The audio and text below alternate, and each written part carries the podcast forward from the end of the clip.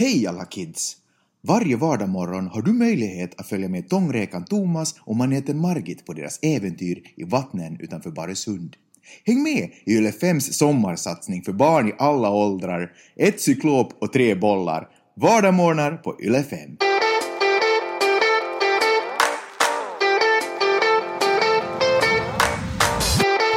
Du lyssnar på Magnus och Peppes podcast.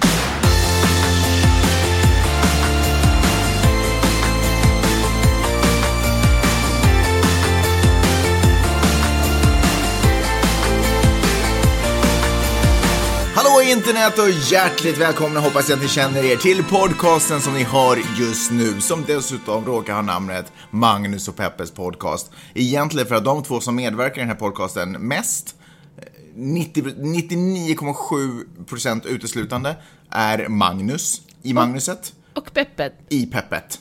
Eh, på så sätt. Eh, det här är ju en podcast som, där vi pratar om de stora och de små händelserna runt omkring i världen, du vet saker och ting som händer oss. Och så försöker vi titta på dem ur ett journalistiskt, eh, feministiskt och mediegranskande perspektiv. Och ibland bara ett mänskligt perspektiv skulle jag vilja skjuta in nu. Det har jag inte gjort tidigare, men jag känner att... Du säger att du är humanist istället för att vara feminist. Kanske mer ändå, sist och slutligen. Det var ett skämt. Ja, det var ett skämt. Ordning i klassen. Eh, hur har dina senaste dagar varit? De var ju fina, Magnus. Jag kan ju inte säga en vecka hur din senaste vecka har varit, för att den här podden utkommer ju ett par gånger i veckan. Det är ju magiskt. Det är ju helt crazy. Och på tal om magiskt skulle jag vilja berätta en sak som Ja. hände mig i torsdags. Kul. Det finns ju ett ställe som heter Magic Castle här i Los Angeles som är en legendarisk privatklubb för... Berätta, men vänta, berätta om det där legendarisk, jag hade aldrig hört talas om den. Ja, men det är för Den är inte Chateau Marmont legendarisk. Marmont. Den är inte Chateau Marmont legendarisk. Det beror på vilken, vem du snackar med. Den här... Om jag snackar med trollkarlar, trollkarl, så så då är den magisk. Okej, jag fattar. Ja. Nej men den är lite legendar. Den är dessutom sådär med Los Angeles mått mätt supergammal. Jaha. Den är alltså 55 år gammal i år. Jag förstår inte ens hur det går att hantera det. Och det är alltså en, en privatklubb, 5000 medlemmar, och man får komma in enbart om man känner någon som känner någon som... Eller om man känner någon. Det funkar inte att känna någon som känner någon, man måste känna någon. Sägs det i alla fall. Kanske man kan komma in på något annat sätt, jag vet inte. Och så göra en intervju med en svensk kille som, ska upp, som uppträdde där, och så fixar han in mig och som Avecto är Sissan. Och otroligt spännande. Ja, men var det det? Nej men det var det faktiskt. Det var liksom ett... Det ligger ju på en liten kulle, Får jag bara smäck säga att jag har ju varit på väldigt spännande klubbar här, så jag ska se vad du kan, vad du kan toppa med. Ja men det här var ju kanske inte spännande på det Nej. sättet som du tänker. Nej men och, du ska, för, innan jag ens har berättat började du förminska min Nej, det klubbupplevelse. var du som själv tog på dig att förminska Okej, det man kommer dit, det ser ut som ett slott. Så kommer man in till en reception, de är supernoga med ens namn, man ska kolla i det, att man verkligen är den man säger att man Mm. Jaha, är. okej. Och, eh, och så går man fram till en bokhylla, ser en uggla i ögonen och säger ”Öppna dig sesam”. Och då glider Vänta, bokhyllan... vad alltså vadå? Open Sesame? Ja. Ja. Och då glider bokhyllan åt sidan och så, Med ugglan? när ugglan sitter på den andra sidan bokhyllan. Ja, man Det- ser det igenom bokhyllan? Nej? Nej men alltså det är en, en lönedörr. Vad Ja. Förstår du inte? Det är liksom, Men hela väggen uggla du öppnar sig pratar inte. med? För det sitter en uggla på bokhyllan, men inte på den delen som öppnar sig, utan till vänster om dörren. Jaha, ja, ja, ja, okej, mm, förlåt. Och så stiger man in i någonting som ser ut som ett, äh, menar så här, slott slash brittisk eh, bar slash, eh, Alltså irländsk pub, eller vadå? nej men du vet sådär med så här, ehm, vad heter det, vapen på väggarna och Jaha, uh, mm, typ- sådär läderfåtöljer. Någon sån där och, eh, frimurar, ord, tanken om hur en frimurarorderklubb ser ut? Jag, eller? jag har aldrig fantiserat om en sån, så jag vet Ja, men faktiskt Eyes wide shut-grej liksom. Ja, men lite kanske. Och, eh, och så det är en massa trappor upp och ner och små rum och skrymslen och hur man än går så kommer man alltid till ett nytt rum när det står liksom någon och gör trick. Det är ju intressant, för på utsidan såg ju inte huset jättestort ut. Så Nej. var finns alla de här rummen? Ja men det går långt ner under jorden och Aha, upp. Och det är liksom, källar- Och de är alla ganska små också. Mm. Och, eh, och sen vet du, sitter vid, vid, jag till exempel vid baren och då kan göra bartendern Är det till bar i varje rum, eller måste Ja. man leta efter en bar? Man behöver verkligen inte leta efter en bar. Men det är faktiskt inte en bar i varje rum för det är så många rum där. Men liksom man tar tre steg som man vid en bar. Okej, mm. Och, eh, och det var så, det var liksom verkligen inte det vanliga Los Angeles-klientelet. Utan det här var ett, eh, Du vet hur han är vetenskapsmannen i Jurassic Park ser ut? Så så alla farbröder Mm. Okej. ut där. Och alla damer var sådär amerikanska, riktiga Alltså amerikanska lite damer. safariklädda, eller vadå? Nej, men alltså ansikt ut, Jag vet du, fattar. kroppsform och, Alltså det är ju en super strict dresscode där, man måste ju ha liksom... Strict framförallt. Ja. Man måste kill, männen måste ha ehm, kostym och slips och kvinnorna måste vara liksom finklädda. Mm. Sissan var sådär, alla kvinnor utan vi har horskor här. Så jättehöga klackar och jättelockiga hår och liksom eh, klänningar. Hon kunde och... ju inte säga någonting annat eftersom hon bar sina egna skor. Eller hur? Hon kunde, det? hon, hon kunde, ja skitsamma. Ja, förlåt. Ja. Och, eh, ja, men, och så gick, först gick vi och kollade på en, eh, en herreman Mm. som gjorde så här korttrick. Det var vi och ett annat par. Och Men, han men, var... förlåt, men förlåt, du går händelserna i förväg. För jag, har, jag vill få känsla för bilden. Är det så att man kommer in i ett väldigt träigt, rustikt Ja, precis så är det. Hogwarts, ett, ma- En, Hogwarts. magisk, en magisk plats. Ja, liksom. det är Hogwarts faktiskt. Ja, det, eller kanske deras studentdel mer, för det är ju väldigt stenigt där på Hogwarts. Anyways, eh, och, och, och så går folk finklädda där och så bestämmer man, vilka sitter bredvid i baren? Hur ser bartendern ut? Vad, är, ut, är det stor bar? Är det, liksom, är det små massa- skrymslen eller? Ja men det är vissa, ja, men vissa större, andra mindre. Mm. Jag menar, så kan man äta middag, det finns en stor restaurang där, där man kan äta middag om man Okej, vill. Men man en kan stor också äta sal, vid- eller? Ja, en stor sal. Och så finns det också mindre barer där man, Mm. alltså kan man bara beställa mat i alla barerna där. Okej. Och, Och var det eh, fullt? Var det liksom att man det måste knö sig fram folk. eller? Mm. Nej, inte knö, men det var liksom mycket folk där. Och eh, ja, men den här första farbrorn då som skulle trolla, han var sådär som lite så- liksom... Äh, vänta, vänta. Och, och men kom... herregud. Nej men jag vill, Ja, ja. tycker jag är så spännande. Jag var ju inte där. Så ni går omkring eh, och i de här, vad gör ni i rummen där det inte händer någonting? Då går man bara och tittar. Eller händer någonting i alla rummen? Nej men det finns såna gammaldags grejer, du vet sådär 50-tals uh, Så det är lite man... spökslottet Ja, verkligen. Ja. fast liksom med trolleri-feeling. Liksom. Precis, man kollar in liksom i en liten ruta i en vägg Mm. och så det är en, ett spöke som, så där skulle vi det sagt en jump scare är det en, det bara hoppar Mm. Ja, fram. det, så det var så där också? Ja. Så man går omkring och är lite nervös? Ja. Du kan ju inte tycka om det alls. Nej men det var liksom, det var väldigt barnsligt skrämmande. Det var inte så det fanns, det var inte som spökhuset på Gröna Lund som är vidrigt, där det verkligen hoppar riktiga människor fram och skrämmer en. Det här var ju sådär, kolla in i en liten låda och så smyger det ett spöke omkring där. Okej. mm. Och så går ni fram, ni tar en liten cocktail eller någonting. Och sen så, går, så kommer det fram en, en man och vill trolla för er. Nej men den här gången, vi gick till ett bord, det stod en man vid ett runt bord. Och är det här satt the game på något sätt utspelad? Nej, jag. Ja. Och satt vi oss vid det paret, och amerikaner... Ni satt vid ett par? Vi, det var ett par vid ett bord, och, satt Ja. vi, och då, så satt vi oss med dem. Varför då? För vi tänkte att nu kommer det att hända någonting här. Och så kom det, för det stod en trollkarl där framme och skulle Ja, trolla. ja, ja, okej, ja. Och så trollade han, och det var liksom, det var ju roligt. Mm. Men det var sådär snäpp över ens morbror som ska trolla på födelsedagskalas. ja. Och han var lite nervös och man... Men amerikaner är ju så bjussiga så det andra paret var bara, de var såhär att oh, wow, no. Och, Vad gjorde ni? Amazing. Ni gjorde inga ljud, eller? Nej, vi försökte ju, men det som, Hur- hur lät det då? som nordbo blir man ju sådär bara, ställd. Man bara... Wow. Och, Wow. wow. Och, äh, ja, men så vill de involvera en hela Peppe. tiden också. Kan jag få höra hur, ett ljud från dig, hur det låter när du blir imponerad? det är lite förskräckt, men också, okej, ja. Och, äh, och då kände jag sådär, det här var lite... Alltså jag hade, mina förväntningar var snäppet högre än det här. Mhm. Och sen kan man ju inte heller stiga upp och säga att det här var inte så bra, om man är bara fyra personer i publiken. Så vi väntade Kan ut man honom. gå medan han trollar? Är det så öppet och fritt att man bara kan gå och komma? Eller Ja, förväntas man ja. stanna upp och titta lite tag? Ja, man förväntas nog, om man råkar passera så förväntas man nog kanske stanna upp och, och applådera lite. I alla fall. Och uh, så gick vi vidare, åt lite, satt och pratade jättelänge, pratade om eh, vårt sexliv. Och du- och, och eh, så, jag skojar bara. Eller jag skojar inte. Men, Men, och då satt ni i någon fåtölj typ vi- och pratade? Ja, eller? exakt. Och så gick vi till ett annat bord där det också var en sån där, en eh, forskare från Jurassic Park som Mm. skulle göra korttrick. Och eh, de är alla ganska sexistiska dessutom också, det är den generationens män. Ja. Trolleritricken? Ja, nej men alltså, de, ska, de vill ju skämta också, vara lite underhållare, och så drar de liksom... Min fru tog det där kortet. Ja men precis, Ja. man bara... Och snälla kan jag få tillbaka Nej. mitt kort? Ja. Och, eh, men, då kom Axel fram som jag var där för att intervjua. Och jag hade researchat på honom och han hade researchat på mig för han kände gärna igen mig och Sissan. Så han bara gled fram och sa att hej, vill ni se en bra show? Och vi bara ja, ja tack. Och så stod han in oss eh, bakvägen till en riktig scen. Och, och vi var först av allt inne i salen så fick välja platser. Det gick en dam och sålde vin där så vi beställde in varsitt glas vin. Satt oss miss i salen. Miss i salen. Och, eh, och så var det en annan svensk, det var liksom en massa svenskar där tydligen, som troll, trollkarlar som uppträdde, som hade en otroligt bra show. Okej. Roligt, väldigt, det var visserligen kortlekar där också men det var liksom på ett intressant Är sätt det liksom, kortlekar. i trollkarlsvärlden, upplever du det negativt med just kortlekar? Nej men alltså alla hade kort, kort jag fattar ju att kortleken är liksom klassikern. Ja, det är väsentligt. Ja, precis. Men eh, det blev, jag kände ju sådär, kan vi inte såga itu någon Ja. snart? Och otroligt bra. Sen visade det sig att börja en, nästan en lika bra, en, en show i ett ännu större utrymme där Axel skulle uppträda, Axel och, och två andra svenskar.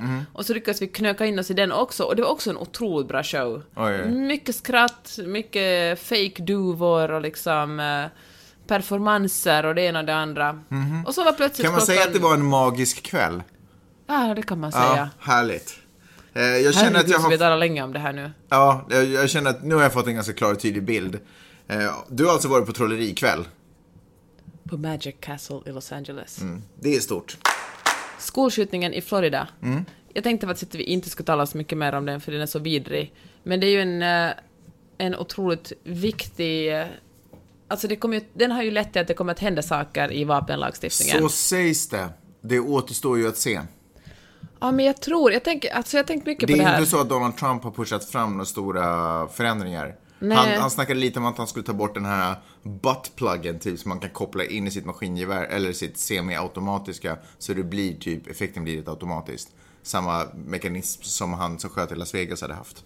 Det är han snackat om att han ska förbjuda. Ja, jag vet. Alltså, det är ju inte mycket som händer. Men, men vet du, ändå, kanske jag bara är för hoppfull, för att jag tänker att äh, det kongressvalet kommer i höst och de här... För det första är det ju en massa människor som, som äh, har direkt... Nu, man räknar med att ungefär 150 000 barn har utsatts för alltså inte blivit skjutna, Nej, men bara- för skolva- för liksom- skolskjutningar Ja, under de senaste åren. Jävlar. Och många av de här barnen börjar snart, eh, börjar snart vara i röstålder. Mm. får man förresten rösta om man är 17 och fyller år, fyller 18 följande dag. Visste du det? Nej, nej. Och eh, så de, de här kommer att rösta i, i kongressvalet. Och tänker så här att inte bara de, det är ju inte bara en person som går till skolan som påverkas av en skolskjutning, utan Mm. det är ju den här personens hela familj, hela släkt, hela vänskapskrets. Så det att, att 150 000 barn har påverkats, man måste ju kunna nästan tiodubbla det, om man säger att folk som, som Men alla som har varit berörda. med om det är ju inte nödvändigtvis mot vapen, hårdare vapenlagar. Men vet du, jag tror nog att om man har kommit så nära att få sitt barn ihjälskjutet eller själv är ihjälskjuten, då tror jag faktiskt att man till och med byter sida. Ja, det, det kan man ju hoppas, men Donald Trump hade ju faktiskt en... Han hade ju ett litet möte typ i något rum, av rummen på Vita huset. Och då hade han bjudit in bland annat borgmästaren i den där staden i Florida, han hade general attorney from uh, Journey Attendant... Journey... Nej, general attorney Smooth. från Florida. Och eh, du vet, massa folk runt omkring. En jävla sheriff från eh, någon sydstat. Alltså det var lite, lite underligt random folk, men jag kände att det var liksom folk som redan var på hans sida. Och så skulle de liksom inför tv-kameror sitta och diskutera hur man kan göra det bättre och bla bla. Och då var det faktiskt, en av dem var ju faktiskt eh, han som leder Rep- Republikanernas typ ungdoms, du vet, förening, ish kind of sort of. Jag vet inte nationellt eller om det var i liksom någon delstat, men vilket fall som helst. Så, och han var ju Så mycket fakta nu i den här. Nej, men, men min poäng är att där satt en representant som också faktiskt var en av eh, Columbine-barnen. Men samtidigt måste du säga att det var, han, det var ju därför han satt där. Jo, men han var där i egenskap av republikan och tyckte att allting Trump sa var bra. Ja, men därför var han ju där. Ja, jag menar, jo, jo, precis. ja, därför jo, var jo. han ju utvald Ja. där. Han kanske inte respekterar Ja, de flesta som har varit med om Representerar, ja, jag förstår. skolskjutningar. Vad säger jag då? Jag respekterar. Det, och det kanske han inte heller gör i och för sig. Nej, Men, kan man. Men det som jag Ja. tycker är intressant nu, nu börjar eh, företag blanda sig i leken Mm. och många företag börjar uh, säga upp sina samarbeten med NRA. vad har de haft för samarbeten med Men tydligen NRA? Hertz, till exempel flyg och uh, biluthyrningsfirmor. Hertz var det första jag läste om, men sen kom eh, United och Delta och sen några banker och sen någon annan biluthyrning som inte, inte kommer International, kommer inte exakt ihåg vad den hette. De Mm. har haft dealar, som man är medlem i, i NRA så får man hyra bi, billigare Mm. bilar där. Man får skjuts. Man får inte hyra billigare bilar, man får hyra bilar billigare. Ja. Och de säger upp, eh, de ser upp samarbete som en, en liksom, ja men för, som en markering mot att de tycker att vapenlagstiftningen ska ändras. Mm, Men det är ju inte NRA som bestämmer över den. Men en markering mot NRA ändå, att vi inte diggar vad ni Ja, en markering. Ja, men precis. Liksom. För det är ju en intresseorganisation. Det är för, det. Men NRA börjar jag tänka på, det är nästan som ett politiskt parti. Ja, man pratar om det som så faktiskt. Ja. Och en annan grej som har blivit ganska, som har utkristalliserats nu tycker jag i samband med den här um, eh, Kan du bara berätta varför det är så, varför den här skolskjutningen är så speciell?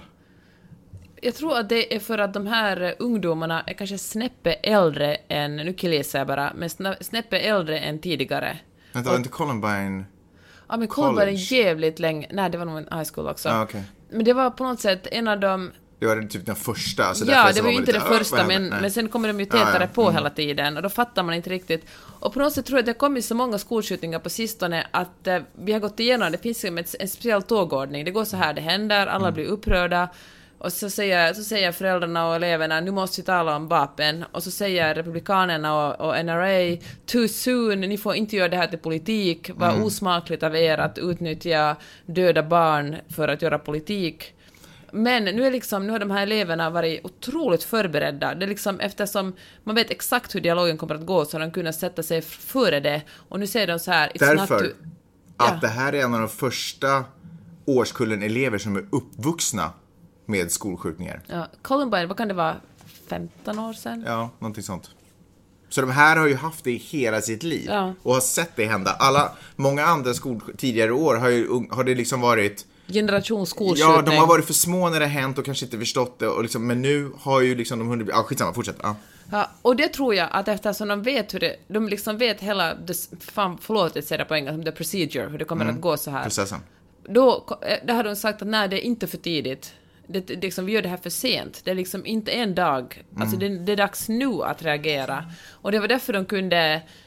Jag menar, därför är de förberedda på att ställa Rubio och tal på, det, i, på den här... Var det CNN som hade den här eh, utfrågningen av senatorn Marco Rubio? De kunde, han kunde och, han, och liksom så otroligt... Sen vill de amerikaner, jag vet att man ofta i Norden skojar om att folk är lite dumma i huvudet i USA, men folk är också otroligt välformulerade och smarta här. Det är ett land som det verkligen finns alla sorters människor i. Och jag tycker att de, eh, de ungdomar som har stigit fram och, och förklarat varför la, vapenlagstiftningen måste ses över och liksom ändras har varit så otroligt smarta och så duktiga på att argumentera. De, ja. Ja, ja, precis som du säger. Jag tror att det här är ju anledningen till varför just den här den här händelsen är ganska unik. Därför att reaktionerna efter från skoleleverna har varit helt annorlunda mot vad de varit De har varit tidigare. förberedda. De har tagit de har tagit diskussionen i sorgen. Det har inte bara handlat om sorg och sen några plattityder bland politiker, utan nu har det fokuserat ganska mycket på reaktionerna från, från barnen. Vilket fall som helst. Men det jag skulle säga var att, att en sak som har utkristalliserats ganska mycket i samband med det här, eh, på sätt och vis också en del av den utkristalliseringen skedde också under den här CNN eh, eh, vad ska man kalla det för, town hall meetingen eller något sånt där de liksom diskuterade Mm. det här. Och, och samtalet med Mark Rubio var att Mark Rubio pratade ju, han är ju alltså guvernör. Eh, Senator. Han är senator. Han har varit guvernör. Ah, skitsamma, han är senator. Eh, och han, representerar han Florida? Fan, det kommer inte jag ihåg. Ja, förlåt mig, men strunt samma. Eh, han menar ju på att, för de var sådär, kan du lova att inte ta pengar av NRA? Och han bara, eh, nej, det kan jag inte Han göra. försökte ju sig först på ett politikersvar, han började prata om andra saker. Som jag sa igår och Precis. publiken bara boo! Men det som framkom där var ju att det finns ju krafter på andra sidan. Och det sa han att, jag förstår din poäng. För de sa så här, att jag lovar, om det är pengarna det handlar om så finns det massa människor i den här uh, publiken som kan ge dig motsvarande siffra, liksom motsvarande mängd pengar från annat håll. Och sa så här, att du lägger fingret på en ganska bra poäng, att det här, det är klart att det, pengar finns överallt. Så vad jag, än, vad jag än tycker och vad jag än stödjer så, så finns det en organisation som är redo att ge mig pengar för, för den saken. Så där handlar inte om, jag tar inte emot pengar för att gå deras ärenden. Eh, de går, eller vi, vi delar övertygelse. Och det tycker jag är ganska viktigt. För man har pratat om NRA som att de är stora därför att de lobbar. Och för att de betalar massa pengar till de här republikanska, huvudsakligen republikanska senatorerna och kongressmedlemmarna. Men, men de här republikanska senatorerna och kongressmedlemmarna tycker så här. Det är inte NRA som har fått dem att tycka så här. De gör samarbete med NRA därför att de redan tycker så här. Det är som att om vi skulle göra samarbete med eh, inte vet, ett företag närmast i den här podden vill göra ett samarbete, då, då är liksom, det är inte det är inte de som betalar oss för att tycka så. Vi gör samarbetet därför att vi tycker så redan. Fast de tycker kanske också så för att de som röstar på dem tycker så. Ja, men de är ju säkert invalda därför att, ja, men jag tror att det är lättare att vara politiker om man kan vara ganska nära åtminstone den, Mm, där man står någonstans. Men jag tror att det är ganska, det tog de också upp i den här Pod Save America, att, God, Måste- pa, eh, förlåt, ja. vad sa du? Jag skulle säga God Save America, men det är ju Pod Save America. Ja, Pod Save America. Eh, där alltså, man måste börja förstå att de här republikanerna är av den här åsikten. För det är så lätt att säga att ja, men de är köpta, så om vi stryper pengatillförseln, då kommer världen bli en bättre Mm. plats. Men det är inte så, för de är av den här åsikten. De har svårt att se kopplingen mellan tillgängliga vapen och skolskjutningar. Eh, så- det tycker jag har blivit ganska tydligt här nu. Det har fått mig att se på dem på ett, på lite annorlunda sätt. Men jag kan, och folk, när man ska ta något, för det så, jag kan ju också försöka, jag har verkligen försökt förstå det också, säga att det måste ju handla om att folk är rädda för att någonting ska tas ifrån dem. Nu tar, nu tas en rättighet ifrån mig. Mm. Och det är ju det som folk att, att, eh, att bli, liksom sätta... Men, men det, här är ju, det här är ju ett land baserat, som är liksom uppbyggt av människor som har kommit till ett, ett farligt område. Har de, de har ju liksom, de är ju upp, de är ju, det här är ju rädda, alla här, amerikaner är ju ett rädd, rädd hågset folk. Det är därför de alltid förekommer med krig överallt i världen. De måste kontrollera och hela tiden bestämma och, och styra och ställa och alla ska ha vapen. Därför att de är så rädda hela tiden. Så det är klart att jag förstår att om jag är rädd och det enda som jag har att försvara mig med att jag och jag riskerar att förlora det enda jag har att försvara mig med. Det är klart att jag kommer bli fly förbannad för det. Men man måste, de- det, är- det är tankefel som, alltså amerikaner måste ju om, uppfostra, omfostras på något Det sätt. är intressant att säga det med rädda, för det var någon annan podd jag lyssnade på, ändå det var det The Daily New York Times som hade, alla, alla har gjort jättestora Mm. reportage om, om vapenlagstiftningen och second amendment. Men där sa de att förr hade det faktiskt varit den här eh, NRA-sidan, eller den här republikansidan som har varit arga och rädda. De Mm. var det så här, ni får inte ta det här, ni får inte rycka det här, eller ni tar mitt vapen får ni rycka ur mina iskalla döda händer liksom. Som Sven Duva. Nej, men jag dör hellre än att ni tar det. Men nu är det den, nu liksom de arga och de känslomässiga på den andra sidan. Nu är det liksom, nu är det plötsligt de som är, är för en strängare vapenlagstiftning på den sidan som vill få igenom en lag. Och eh, därför sa de att där finns det en, en chans att det verkligen händer någonting nu. Mm.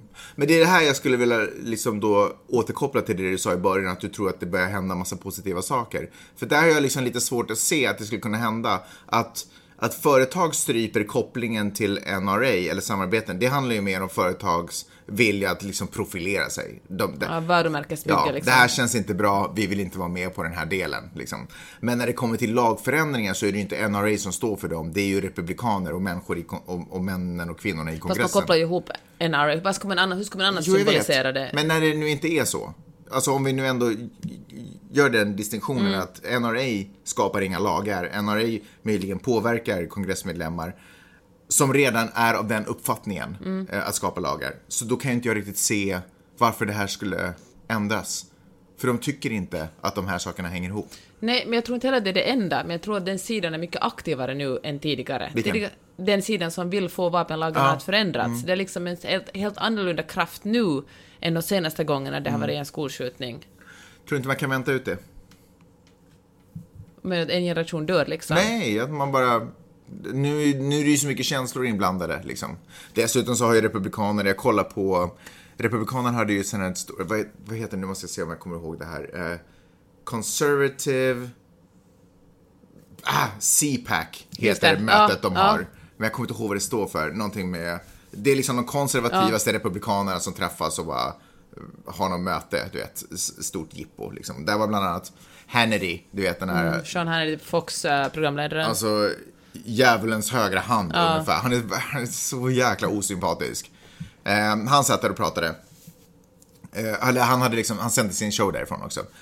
Eh, och, och när man hör, jag satt och kollade på det på Fox News, och så när man hör hur de resonerar, de, de, de trycker ganska hårt till exempel på att eh, bland annat det här, CN, det här eh, liksom, mötet eller tillställningen som ordnades av CNN, att den var ganska kontrollerad. Frågorna som barnen ställde själva var inte frågor de själva hade skrivit och formulerat utan de var skrivna av CNN och att liksom CNN satte Men hur kunde de veta ord det? i munnen på dem. De hade till och med en kille från skolan, eller ja, jag kan ju inte säga om det var en kille från skolan eller inte, men de hade med en ung eh, man som, eh, som sa att han inte ville gå dit därför att CNN hade gått och bara så här skrivit frågorna till honom. Ställ de här frågorna, ställ de här frågorna, ställ de här frågorna. Eh, Så här, men vem förstår Men, jag men menar? de gick ju också, alltså nu säger jag inte att, att det gick ju också ut, äh, det rör sig genast konspirationsteorier sånt här, och då var det ju också, Jo. när de, de, det sades ju också att de som sörjde vid skolan, de som talade in i medierna de första dagarna var anställda skådespelare Mm. Ja, precis. Som visste exakt där var, tog ju John ja, men Oliver som var, också. som var för välformulerade för att kunna vara riktiga ungdomar. Men nu måste du också tänka så här, att nu står vi kanske då på en mer liberal och kanske mer en vänstersida av det här strecket. Och så tittar vi på det, den informationen som vi ser ges till de som står på den andra sidan. Och det är klart att då upplever ju vi det som propaganda. Men de som redan är där, för dem är det ju information från människor de litar på. För dem är det ju, det är ju deras nätverk. Det är ju liksom, det är ju deras vänner som de får den här informationen från, så då är den ju sanning för dem naturligtvis. Vi kan ju kalla det vad vi vill, men vi kommer ju aldrig kommunicera någonting annat till dem, för att de, vi representerar falsk media, eller fake news, och de representerar liksom människor de kan lita på. Och om det nu sitter, om de här republikanerna... det är för övrigt förbjudet att ta in vapen just på den här deras CPAC-kongresser. Ja, det Det är är också lite ironiskt. Ja. En poäng. En sak de sa som slog an en liten sträng i mig, om jag säger så snarare, är att de här människorna som står och eh, eller de här människorna, det låter som jag distanserar mig från dem, men, men eh, demokratiska politiker som kanske också tycker så, men också nog tar en, passar på att ta en politisk poäng i samband med kongressval här nu snart. Eh, som går ut hårt och bara kritiserar vapenlag och bara bara, ner med allt det här. NRA är det, världens, är det hemskaste som finns på jorden. Eh, och vi ska inte ha vapen runt omkring oss. Står omringade av eh, securityvakter med vapen. Som, för att skydda dem. De skulle aldrig kunna tänka sig att stå oskyddade. För, eh, för en av de här sa, okej förlåt, nu hoppade jag Det, händelserna för mig. nej, det har jag aldrig sett, men det stämmer. Vad menar du? Jo, förlåt. Eh, Det du behöver veta är också att en av de här sakerna som de pratade väldigt mycket om på CPAC var att eh, man ska börja... Eh, skolorna, måste, skolorna ses som mjuka targets och de ska bli hårda. Det vill säga att man ska börja beväpna de föreslår att man ska börja de pratade om att man ska börja beväpna eh, vissa lärare och du vet kanske har 20-40 procent av lärarna ska vara beväpnade. Ja, och kanske har du vet ex-militärer som kanske jobbar extra. Det stod ju fyra stycken beväpnade vakter utanför den skolan medan skolskjutningen Det skedde. pratades om en i alla fall. Ja, idag kom det fram att det var fyra Ja, stycken. okej. Nej, Men att man, liksom, man skulle börja beväpna skolorna med att det skulle börja bli hårdare och att det skulle kanske vara ex-militärer, som, du vet, folk som har gått i pension men som ändå Mm. liksom kan hantera vapen som skulle liksom då vakta i skolorna och sådär. Så de pratar om att rusta upp skolor egentligen, eh, mer vapenmässigt. Och, och, som, och så försvarar de eller eh, mothuggen de får då är förstås av demokrater som är sådär, men det här är det mest absurda, vi ska inte ha, det är liksom inte krigszon, vi ska inte ha, vi ska inte ha massa vapen kring skolan, det är ju det vi inte ska ha liksom. Eh, och då, då är liksom kommentaren tillbaka är sådär, det är lätt för er att stå och säga att vi inte ska skydda skolor, det mest värdefulla vi har, men så fort vi har kändisar ute på stan, då är de om, liksom, omringade av vapen för att skydda dem, liksom, med, i form av vakter och sådana saker. Och de själva, demokratiska politikerna, är liksom omringade av vakter som har vapen. Att vapen är det som skyddar, sist och slutligen. Förstår du vad jag menar? Ja, men jag tycker ändå det är... Jag tycker inte att den håller, det håller inte den jämförelsen. Varför då? För det första så är det ju bevisat att... eh, att eh, eller bevis, alltså politiker är ju targets.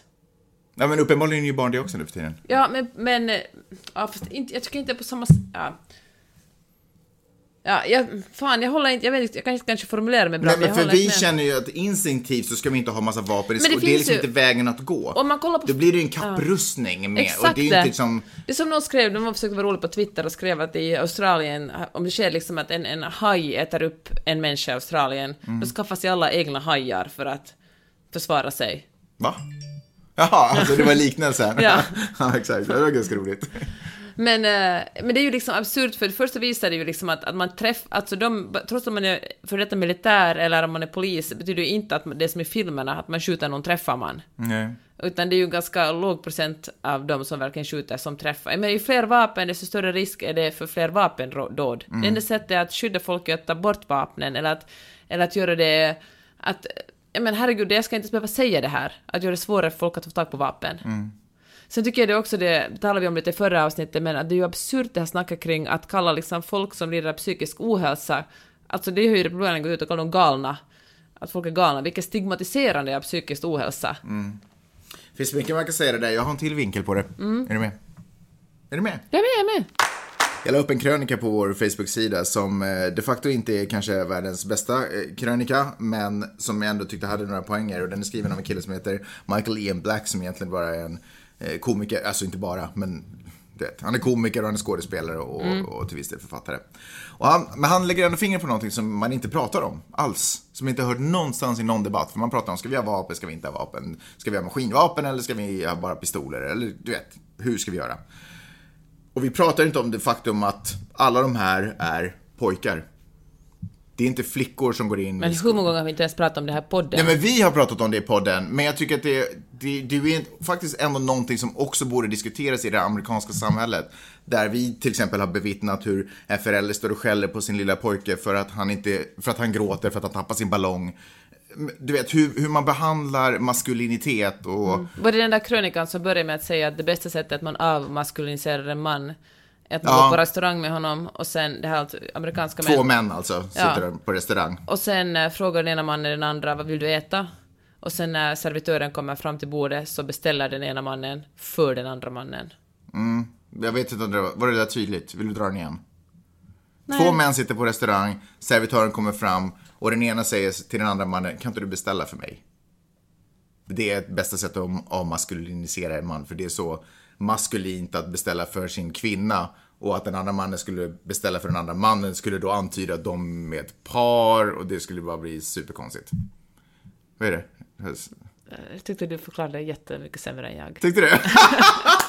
ja, det är skitsamma. Ni fatt, nu har ni två versioner så ni förstår åtminstone vad det handlar om. Det är precis den krönikan. The boys are not all right. Och han, men han pratar väldigt mycket om just den här um,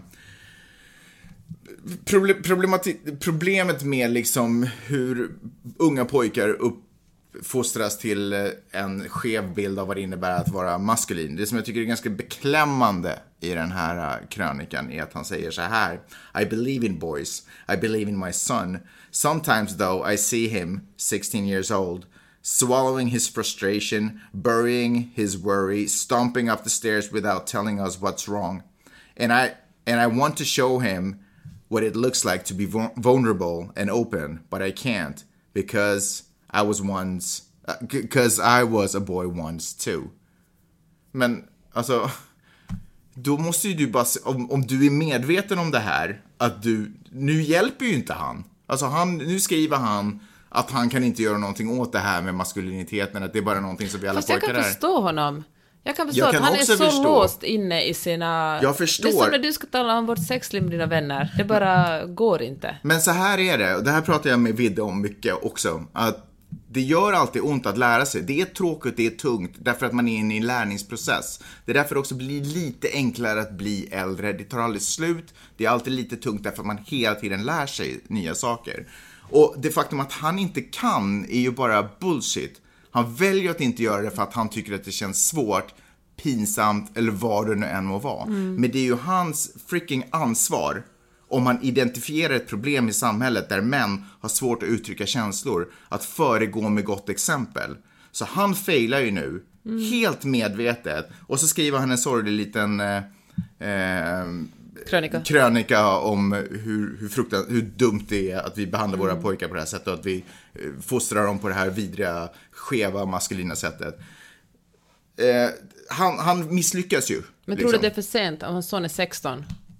Det är väl aldrig för sent att visa sig sårbar. Det är väl aldrig för sent att sätta sig ner, fast med sin fullvuxna eh, man till son och berätta om sitt liv, hur man har sett på saker och ting, vad man har gjort fel och kanske shed a tear. Liksom. Okej, jag måste ge det där. Det var, det var en bra analys, det var bra sagt. Och det, jag måste också säga att det som vi har... Jag tycker, nu har vi ju inte haft barn i skolan i Finland. Nej. Men eh, jag tycker det är rent av skrämmande så viddas kompisars föräldrar, eller speciellt pappor, behandlar sina söner. Men det är ju, det är ju Det är ju inte bara den här pojken som blir kallad att du är värre än din treåriga lillasyster Ja. du gråter, utan det är ju också de andra. Det är liksom pojkar ska... De till och med uppmuntrar pojkarna att lösa konflikter med knytnävarna, inte genom att tala. Ja, Och- inte alla, men vissa. Men ja, Ja, absolut. Ja. och säga sådär att, att nej, nej, vi ska inte blanda oss i det här, utan pojkarna får Ja. lösa det där själva. Och man bara, de är fucking sju år, de har inte verktygen. Men så där har, ju- det, där har inte, det där har jag hört också, liksom, på andra sidan Atlanten. Det där är inte... Det är liksom, det här är ett västerländskt, vad jag vet i alla fall, västerländskt perspektiv på manlighet och maskulinitet.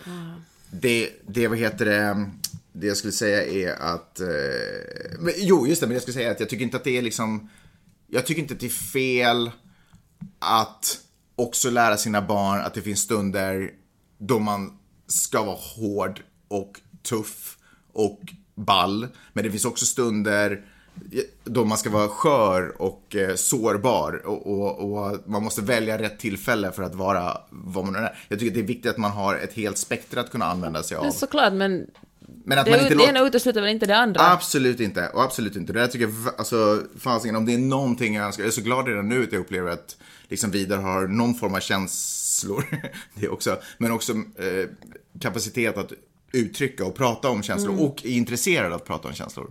Det tycker jag faktiskt är jäkligt grymt. Men hör du, är Men inte, det kan man ju tappa så fort han kommer i tonåren. är inte intressant att eh, här väljer man hellre att kalla pojkarna, för det är bara killar som gör, som sagt gör skolskjutningar, att man hellre säger att de är galna. Mm. När man säger att ni är galna, man säger inte ens, eller kanske man menar psykisk ohälsa ibland, än att se till att det är någonting fel på mansbilden. Ja. Men det är väl enkelt, det, egentligen finns det ju en superenkel förklaring till det, för att om man säger att det är något fel på, den, på mansbilden, då drabbar det ju en själv också, det Ja. blir personligt plötsligt. Då är det liksom ett mycket större problem.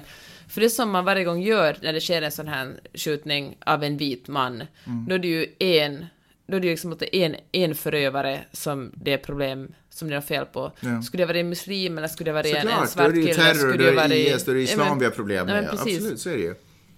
Men, men vet du vad jag tycker, jag tycker det är intressant där, för den här tanke... Eh, grejen som sker här nu, som vi, som, det här som vi pratar om, det leder ju mig någonstans till att känna att det här snacket om NRA och vapen, rätt till vapen eller inte, är ju den enkla lösningen.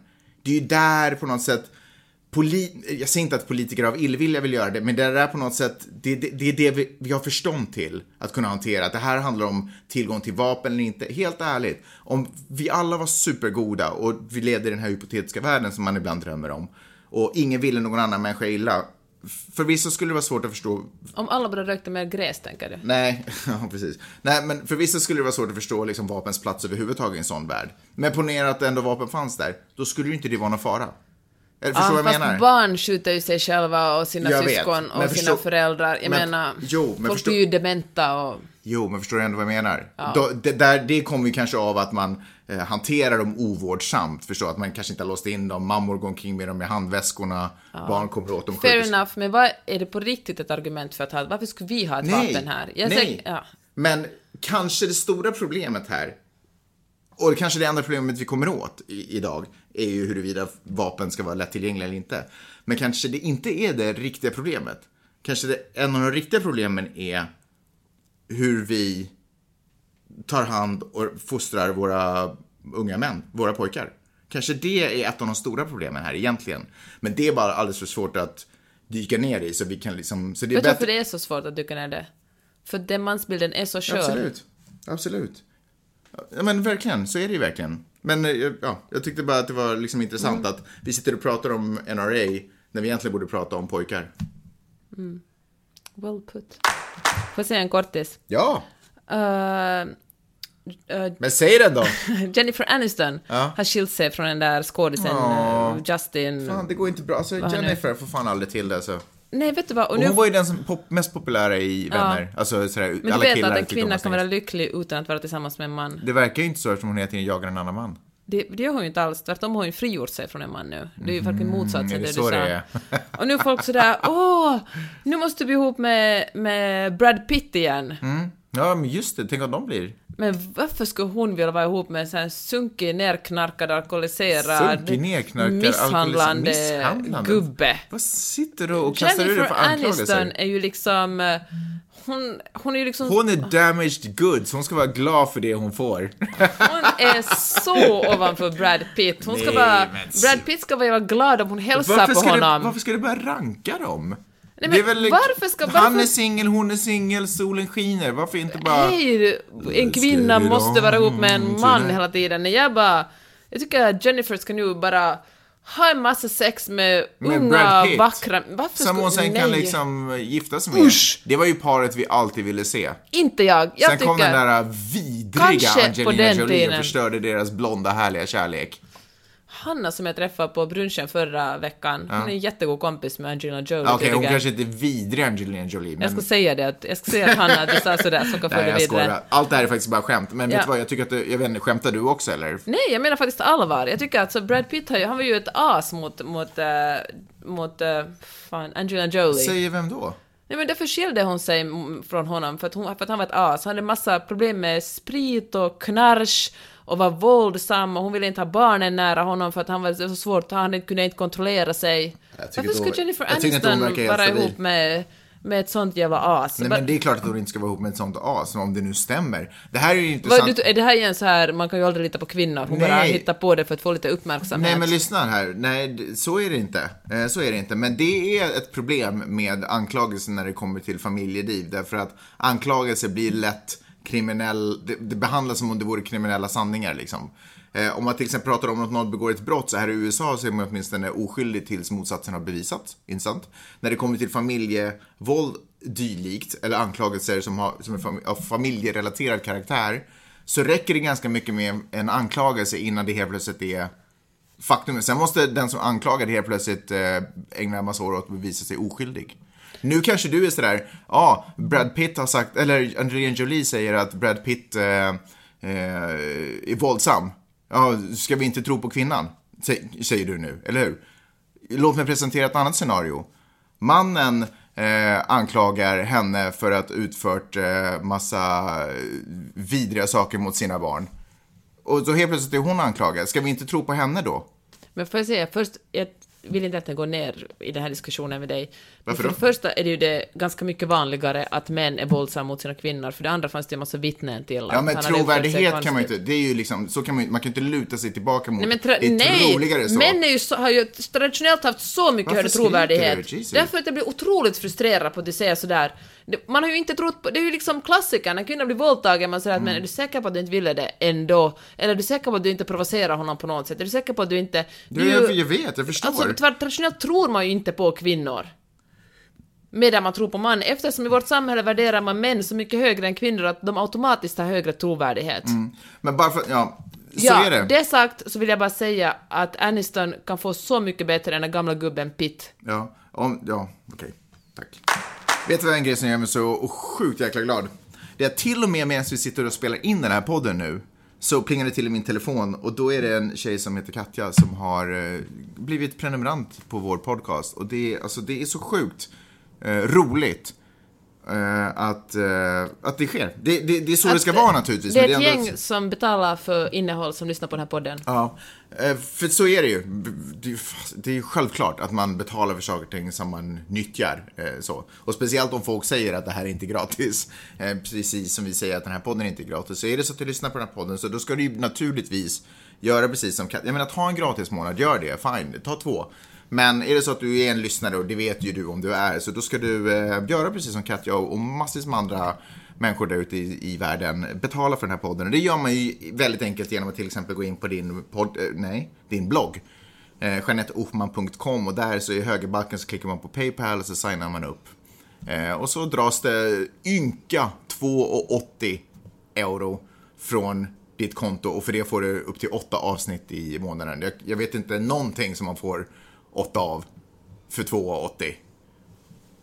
Skulle vara... Ja. Tändstickor. Ja, Om man behöver åtta Ja, tändstickor. ja men det får man. Det, det, det, får man faktiskt. Det var, det, fel av mig. Eh, men, för det får man. Är det så att du sitter med din telefon i handen, vilket du naturligtvis gör eftersom du är en modern människa och du är förmodligen ute och rör dig nu när du lyssnar på podden, för det är vad ni tenderar att göra. Då ska du lyfta upp den telefonen, klicka på din hemknapp, gå in på Peppes podd, inte igen, eh, Peppes blogg på din telefon. Scrolla ner lite där då. Jeanetteohman.com är naturligtvis adressen på telefonen också. Scrolla ner lite så hittar ni den här Paypal-symbolen lite längre ner. Och sen gör ni bara det som, eh, som är liksom rätt. Och jag är så otroligt stolt över att få ha en podd med er som lyssnar, som känner ansvaret och som eh, är så otroligt kloka och fina och gör det här. Eh, det, det känns otroligt fint. Jag vill också säga tack. Varsågod. Och hej, får jag säga en Ja. annan sak? Ja. Hörni, eh, jag vill tipsa om en bok som heter Ett jävla solsken, som handlar om en av Sveriges första kvinnliga wallruffande journalister. Kanske en av världens första wallruffande Mm. jävla journalister. solsken. Ett jävla solsken heter Mm. det. Och ifall ni vill lyssna på den gratis på Bookbeat så är det bara att registrera er och med koden Peppefi i Finland, PEPPSE i Sverige får ni en hel månad gratis lyssning. Eh, verkligen, det ska ni göra. Jag har, det är faktiskt det enda sättet jag får i mig litteratur. eh, Genom Bookbeat. Hörru du, eh, eh, jag jag är alltså inte sponsrad av Bookbeat, jag bara säger det, jag har den appen. Skitsamma. Eh, jag skulle säga en annan sak, men vänta, det var någonting angående det där som jag skulle säga. Jo, vad hette den där tjejen som var... Oh, som var hon liksom hette bara- Ester Blenda. Så egentligen borde det heta Någonting. att blända, liksom. Det borde inte heta att wallraffa, för det var ju en snubbe som hette Ja, Wallraff som var med i- verkligen. Så det borde heta att blända. Jag tycker vi börjar säga det istället. Jobba som, jag skulle vilja vara en sån här bländerjournalist. Ja. Liksom. Man ger sig in och infiltrerar grupper och Hon, jag har inte läst hela ännu, men en- den första grejen hon bländade sig på var att åka ner och eh, jobba som piga en månad. Och det hon fattade och testade hur det var. Mm. Hur otroligt mycket hårdare pigorna jobbade än drängarna. Mm. Drängarna fick vila på dagen, pigorna körde 16 timmars dagar. Och hon skrev sen redan, först började en massa artiklar, men sen också en bok om det här. Och eh, ja, mycket intressant. Hon började till och med före kvinnorna ens hade rösträtt. Tänk det. Sjukt. Uh, det ska jag nog faktiskt lyssna på. Jag har hört, Lillelördag snackade också om den. Mhm. En sista grej bara är att jag skulle skicka ett litet grattis Mariette som tydligen gick vidare till Svenska Melodifestivalen. Jag- och en anledning till att jag vill göra det är för att jag känner att jag, jag står henne lite närmare än alla andra. Därför att hon jobbar med folk som står mig ohyggligt nära. Så. Men det var väl kul att, eh, att Melodifestivalen är igång. Hade jag ingen aning om. Hon har gått vidare till final, så stort grattis till henne också. Hörni, tack så hemskt mycket för att ni har lyssnat idag. Eh, Vi hörs om några dagar igen. Det ska bli så otroligt roligt. You said it. Hej då! Hej!